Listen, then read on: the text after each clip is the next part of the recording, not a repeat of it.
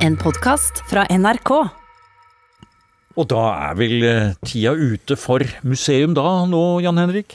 Ja, nå sitter vi her i studio og lager program nummer 809, er det vel? Det er en eh, voldsom mengde, og nå føler jeg det litt rart. Jeg har ingen prosjekter framover å tenke på, sånn som har vært en del av museum, eh, og som du virkelig har fått oppleve. Det å hele tiden ha noen nye avtaler eh, uke etter uke for å få dette til å gå rundt. Men det er ikke verst. 809 programmer. Ja, øh, det er jo riktig som du sier, men det har jo vært veldig moro. Det må vi passe på å si nå når vi sitter her i det siste programmet. Det har vært, som du sier, prosjekter hele tiden, men det har jo vært veldig morsomme ting. Og vi har jo egentlig vært veldig heldige som har fått lov til å jobbe med det som vi liker, og liksom har hatt gleden, da, som har drevet uh, verket, som det heter. Uh, og jeg syns når vi sitter i en sånn siste sending, så må vi jo takke lite grann, sånn som det er vanlig. Både alle kjempefine kollegaer i NRK, uh, og jeg må jo selvfølgelig også si alle de historikerne og arkeologene, kunsthistorikerne og alle de andre som har stilt opp for museum, og som har gitt oss utrolig mange gode tips og råd og vært med på opplegget når vi har eh, kommet. Eh, og så må jeg jo selvfølgelig si at eh, det aller viktigste er jo det vi har følt at vi har jo følt en, en slags støtte, vil jeg si, fra publikum. Ja, det, har hendt. Eh, det er jo ikke så ofte for oss som jobber i radio i forhold til de som er i TV, men at eh, Du, den stemmen din har jeg hørt. Er du i et program? Ja, jeg lager det museum innimellom. Ja! Det er der jeg har det fra. Og sånt er jo kjempeartig og hyggelig. Men eh, nå er vi jo midt i den eh, aller siste sendinga, så vi må sette i gang. Vi skal snart eh, førtidspensjonere oss. Men nå skal vi vel lage en god gammeldags kavalkade. Ja, vi får jo gjøre det. Vi har jo lagt ut noen eh, podkaster her og der i den siste tiden som har vært litt sånn sammensatte programmer, men nå skal vi bruke denne siste sendinga først og fremst da til å takke både de som har støtta oss, hjulpet oss, og det at vi har fått lov til å holde på med, som vi sa. Det er veldig viktig for oss å få fram, for eh, vi har hatt det veldig moro. Og, eh, og vi sitter jo her i studio, som du sa. Men det har vi gjort veldig sjelden i museums historie, å sitte sånn i studio.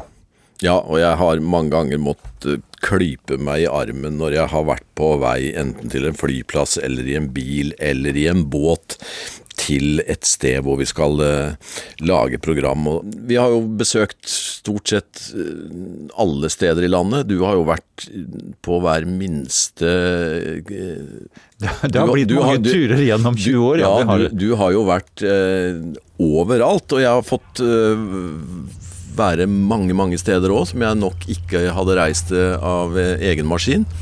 Så det syns jeg har vært eh, fabelaktig. Og overalt hvor vi har kommet med museums reportasjemikrofon, har vi satset på at glede, kunnskap og begeistring, som er museums motto, skulle være drivkraften i den historien vi ville fortelle. Men noen ganger, som her i Lofoten i 2004, ble det litt for mye av det gode. Historiker Alf Ragnar Nilsen viste fram tuftene etter middelalderbyen Vågar. Og den begeistrede reporteren syntes han kunne se århundregamle bryggefundamenter nede i fjæra. Det er helt feil. Er det feil, ja? Ja, altså det her er, det er faktisk uh, hovedkloakkledninga som da er steinlagt utover. Så den er helt moderne. Men den ligner jo på disse gamle uh, bryggefundamentene. Så her har vi alltinget med kloakkledning? Ja. Jeg må si det var ikke akkurat. Kjempeartig, altså. Og jeg kjenner meg igjen. Jeg har et par sånne, men jeg skal ikke fortelle dem videre, altså. Men eh, det, vi er jo mennesker. Vi pleier å klippe det bort, Jan Henrik. Ja. Ja. Men får vi ikke høre resten?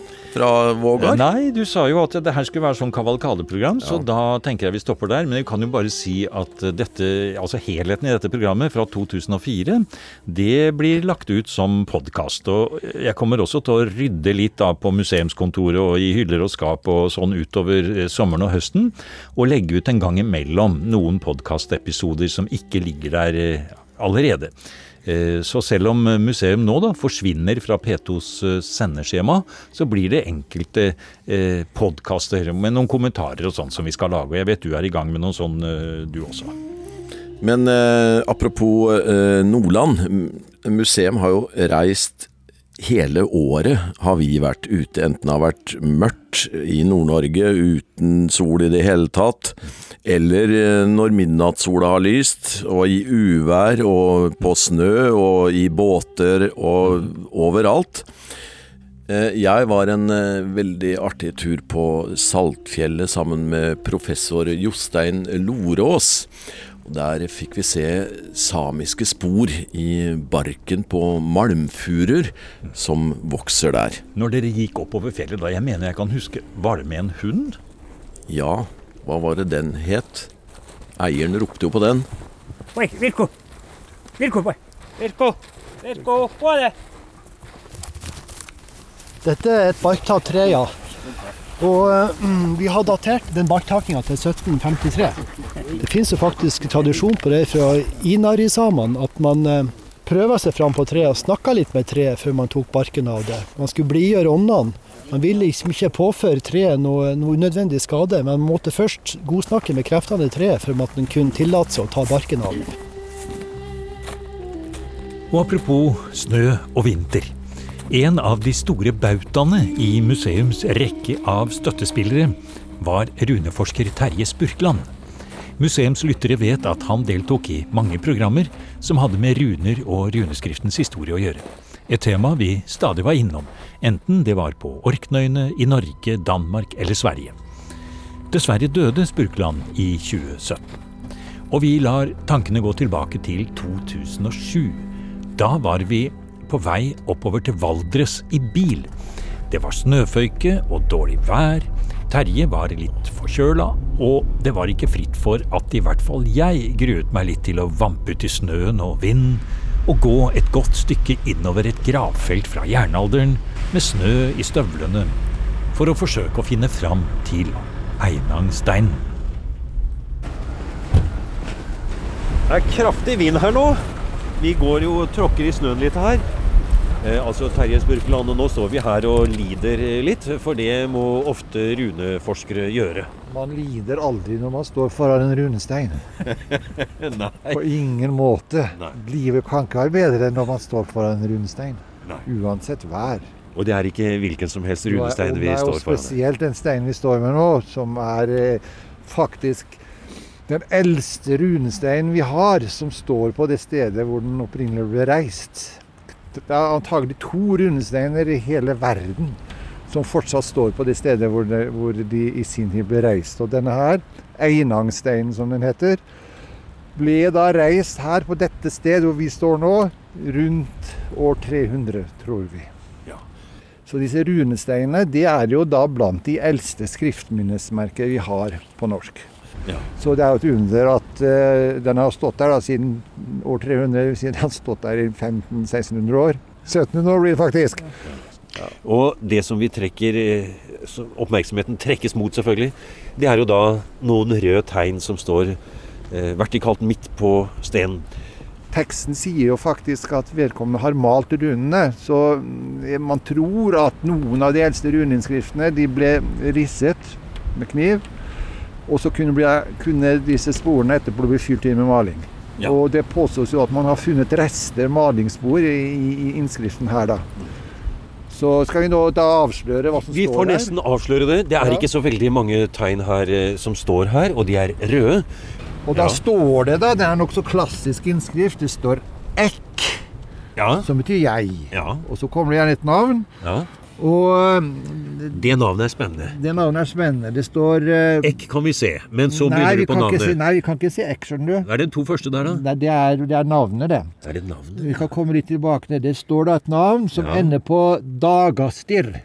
Den første som kom hit Ja. og leste denne steinen, det var jo, det var jo Sofus Bugge og de folka der. Og de leste da Dagastir Runo Fahido. Og eh, Runo forsto vi jo med en gang. ja, runo betyr runeinnskriften. Ja. Og fahido, det er verbet. ja. et svakt verb. Ja, for det har man nemlig også. Det har man nemlig Ja. på 300-tallet. Ja. Ja. Ikke bare sterke verb, Nei. men også svake. Ja. Ja. Ja. Og, og dette verbet da, det er en preteritinsform, fortidsform, av et verb faihan, som betyr å male. Ja. Så det står altså at denne mannen, Ja. eh, som har et, etternavn navn som ender på Gastir, han malte, Malte. runeinnskriften. Nettopp. Gudagastir. Ek Gudagastir. Runo Faido. Gudagastir og Naudagastir, Erafar og Erilar. Dette er bare noen av de navnene på mennesker vi har møtt gjennom runeskriften, og som vi har hatt programmer om her i museum. Dette er altså museums aller siste program etter 20 år på lufta. Vi prøver oss på en liten kavalkade, og holder fast litt til på dette med runer, som har vært et gjennomgangstema i museum i alle år. For én ting er selve tegnene, hvordan de kan leses, tydes og tolkes.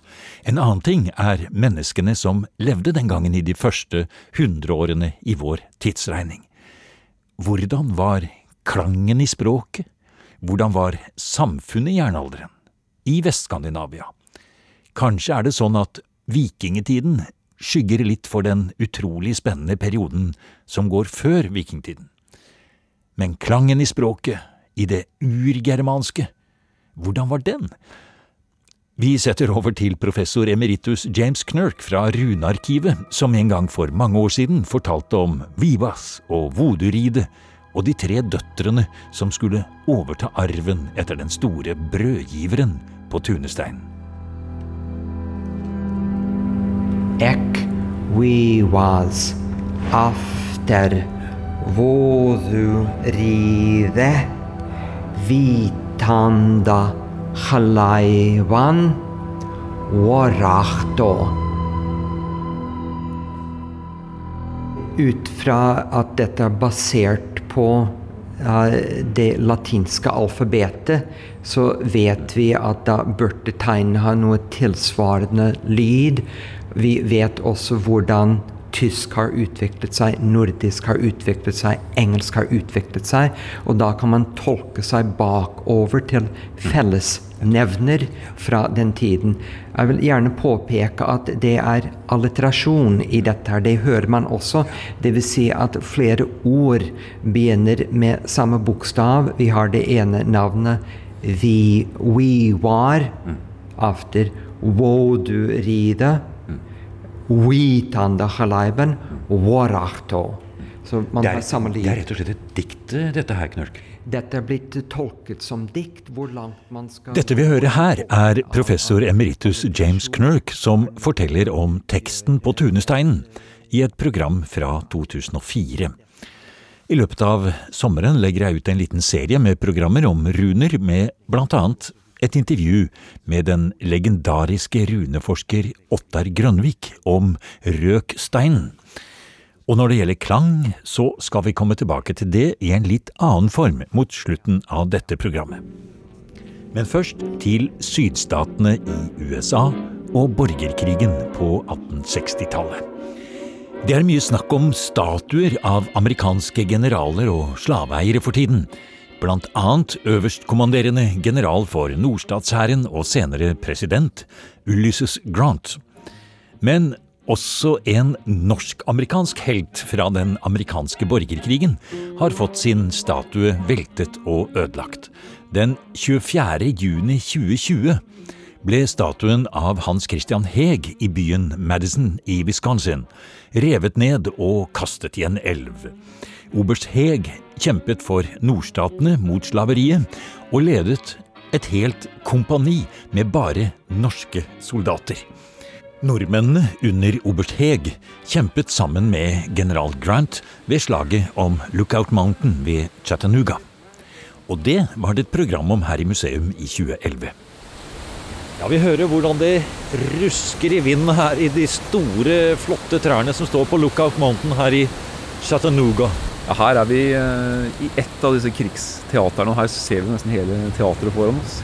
Vi, vi har flere brev bevart fra soldatene, og de håpa nok at de skulle slippe å være med den gangen her. De som hadde ligget her, var nok det, ganske demoralisert. Men så kommer nok Grant og får opp moralen igjen. Og så seirer de. Og så seier de. Og det er nesten helt utrolig at dette her går bra. Og de angrepet bare ruller da opp på toppen av høyden. Og igjen, der er nordmennene med. De løper opp fjellsiden. Og de mister faktisk ingen i det angrepet her. Det store jernbaneknutepunktet ved Chattanooga var strategisk viktig i den amerikanske borgerkrigen. Og i en liten serie i museum fra 2011 lette vi etter spor etter de norske soldatene som var med i 15. Wisconsin frivillige infanteriregiment. Den legendariske oberst Heg ble dødelig såret i slaget ved Chicamoga. Den historien ligger som podkast fra museum. Og vi tar med ett lite klipp til, med historiker Trond Svandal.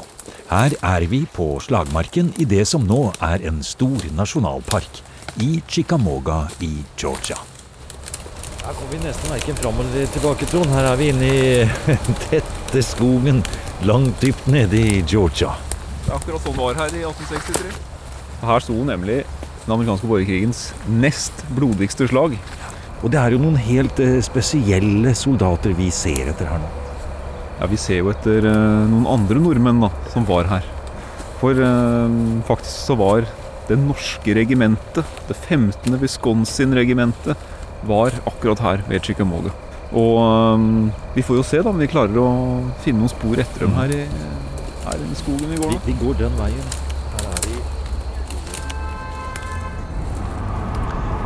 Og når vi først er i USA i denne rundturen i museumsprogrammer, så hopper vi fra 1860-årene og helt tilbake til begynnelsen av 1600-tallet. Det var nemlig allerede da den første utvandringen til Amerika begynte for nordmenn.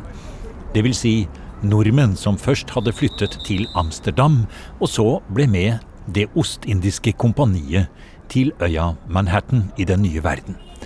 Dette klippet er fra 2014, da arkeolog og forfatter Frans Arne Stylegard nettopp hadde skrevet boken om de norske pionerene i Ny-Amsterdam.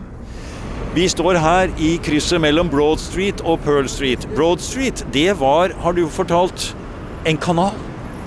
Ja, på, på 1650-tallet så var det kanaler i Ny-Amsterdam. Mest fordi det en øh, ble regna for å være en fin måte å, å laste og losse datidas skip på. Men, men helt sikkert også litt fordi, øh, fordi den som da var kolonidirektør, Petrus Støvesant, han var, han var veldig, veldig opptatt av at dette skulle være Nederland, og at det skulle, være, det skulle ligne på Amsterdam. Det skulle bokstavelig talt være et nytt Amsterdam, og da måtte du ha kanaler. Her kunne man kanskje støte på folk på 1600-tallet som hadde forstått norsk. Det ville man garantert ha gjort. Her, her, her bodde egentlig skandinaver, og kanskje særlig nordmenn, på, på rekke og rad i, i ja, så La oss si rundt 1650. Når, når, når Ny-Amsterdam var på sitt, på sitt største og rikeste. ok, ja. Han karen som står og prater om, eh, om eh, Francis Tavern, han prater om eh, 1770- og 1780-åra og liksom starten på det selvstendige USA. eh, Og slutten på det britiske. Men vi skal jo før det britiske også, vi. Vi skal helt tilbake til eh, Ikke til begynnelsen, for her hadde det bodd folk i mange tusen år før det igjen, men vi skal jo tilbake til eh, den hollandske perioden.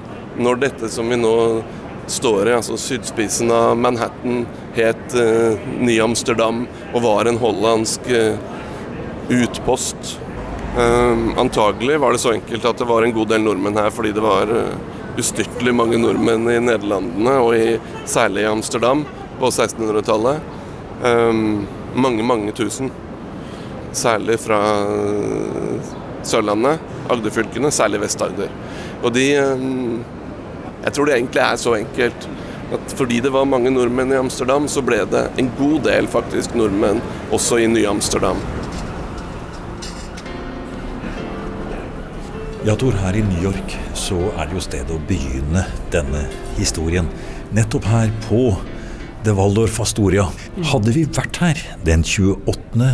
august 1940 så hadde vi sett et helt følge komme inn av dørene her. Ja, det var eh, kronprinsesse Märtha og hennes hoff, og ikke minst hennes barn, med prins Harald så å si i spissen. Eh, Elleve mennesker alt i alt, som da stiger i land, eller blir ført i land fra, fra det store skipet som har brakt dem fra Petsamo og Finland. I fjor følte vi oss kanskje alene i en uhyggelig og ond verden. I år er vi ikke mer alene. Den helt siste stemmen vi hørte her, var kronprinsesse Märtha i en juletale under krigen til det norske folk fra eksilet på Pooks Hill utenfor Washington. Kongebiograf Tor Boman Larsen har i flere serier her i museum fortalt om hvordan den norske historien og kongehusets historie faller sammen i krig og fred i Norge, England og USA. Alle programmene ligger fortsatt ute som podkaster. Det er bare å søke litt i museumskatalog, så dukker de opp. Men det gjør ikke lenger programmet Museum i P2s sendeskjema. Dette er helt siste program, og vi vil gjerne avslutte denne lille kavalkaden i Norge. Og vi har nevnt klanger som stikkord. Det er noe kollega Jan Henrik Ilebekk har laget flere programmer om. Ja, jeg har alltid vært fascinert av uh, lyder. Jeg har vært korsanger hele livet, bare for å ha sagt det. Og så, i museumssammenheng, så kom jeg plutselig over at det fins noe som heter uh, musikkarkeologi. Og vi har jo en som heter Gjermund Koltveit. En av de absolutt få i Norge som jobber med det. Han registrerer klangsteiner, altså steiner som er blitt slått på i kultisk sammenheng finnes masse i Norge. Han registrerer lyder og skriver ned og har kontroll på det. Og det er det mange som gjør rundt omkring i verden.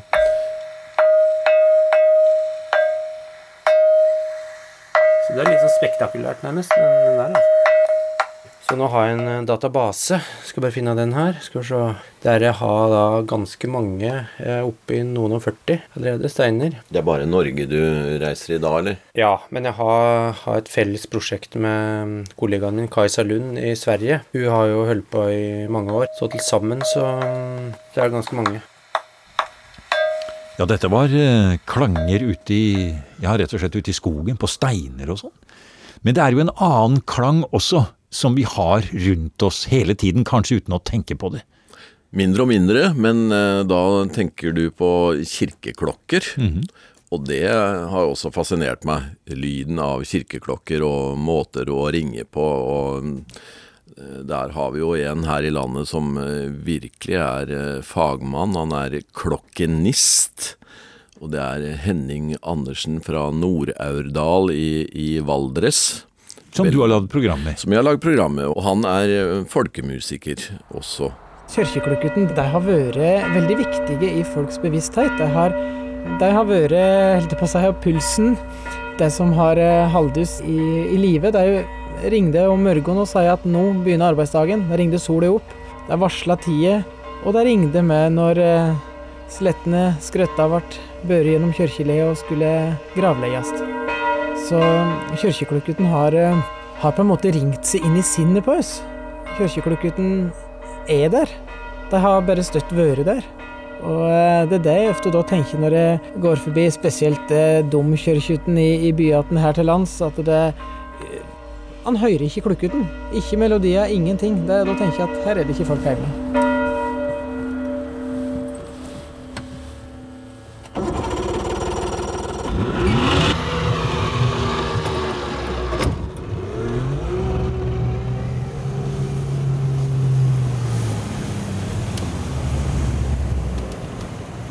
Det er jo full sommer når dette programmet sendes, og kyst og sjøfart, båtbyggingshistorie og ikke minst historien om fyrene langs kysten, det har alltid vært et populært tema i museum.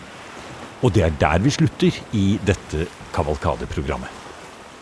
Vi har funnet fram en episode av Museum fra 2003, hvor vi besøkte Norges første fyr, Lindesnes, og fyrvokter Knut Dybvik. Så da, Jan Henrik, er det vel bare å si takk for seg? Ja. I like måte. Det har vært eh, flotte år å, å, få lov til å jobbe med, med, museum. Og så må vi si så mange, mange tusen takk til alle de som har eh, skrevet til oss, de som har eh, hørt på programmet, alle gode kollegaer, alle kildene våre.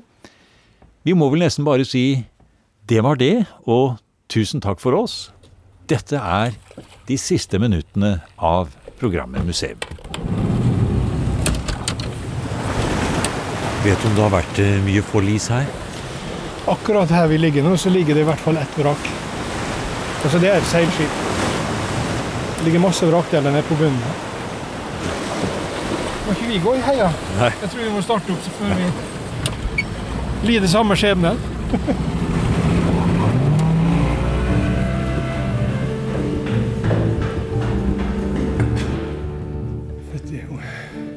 det er jo tårnet vårt, da, vet du.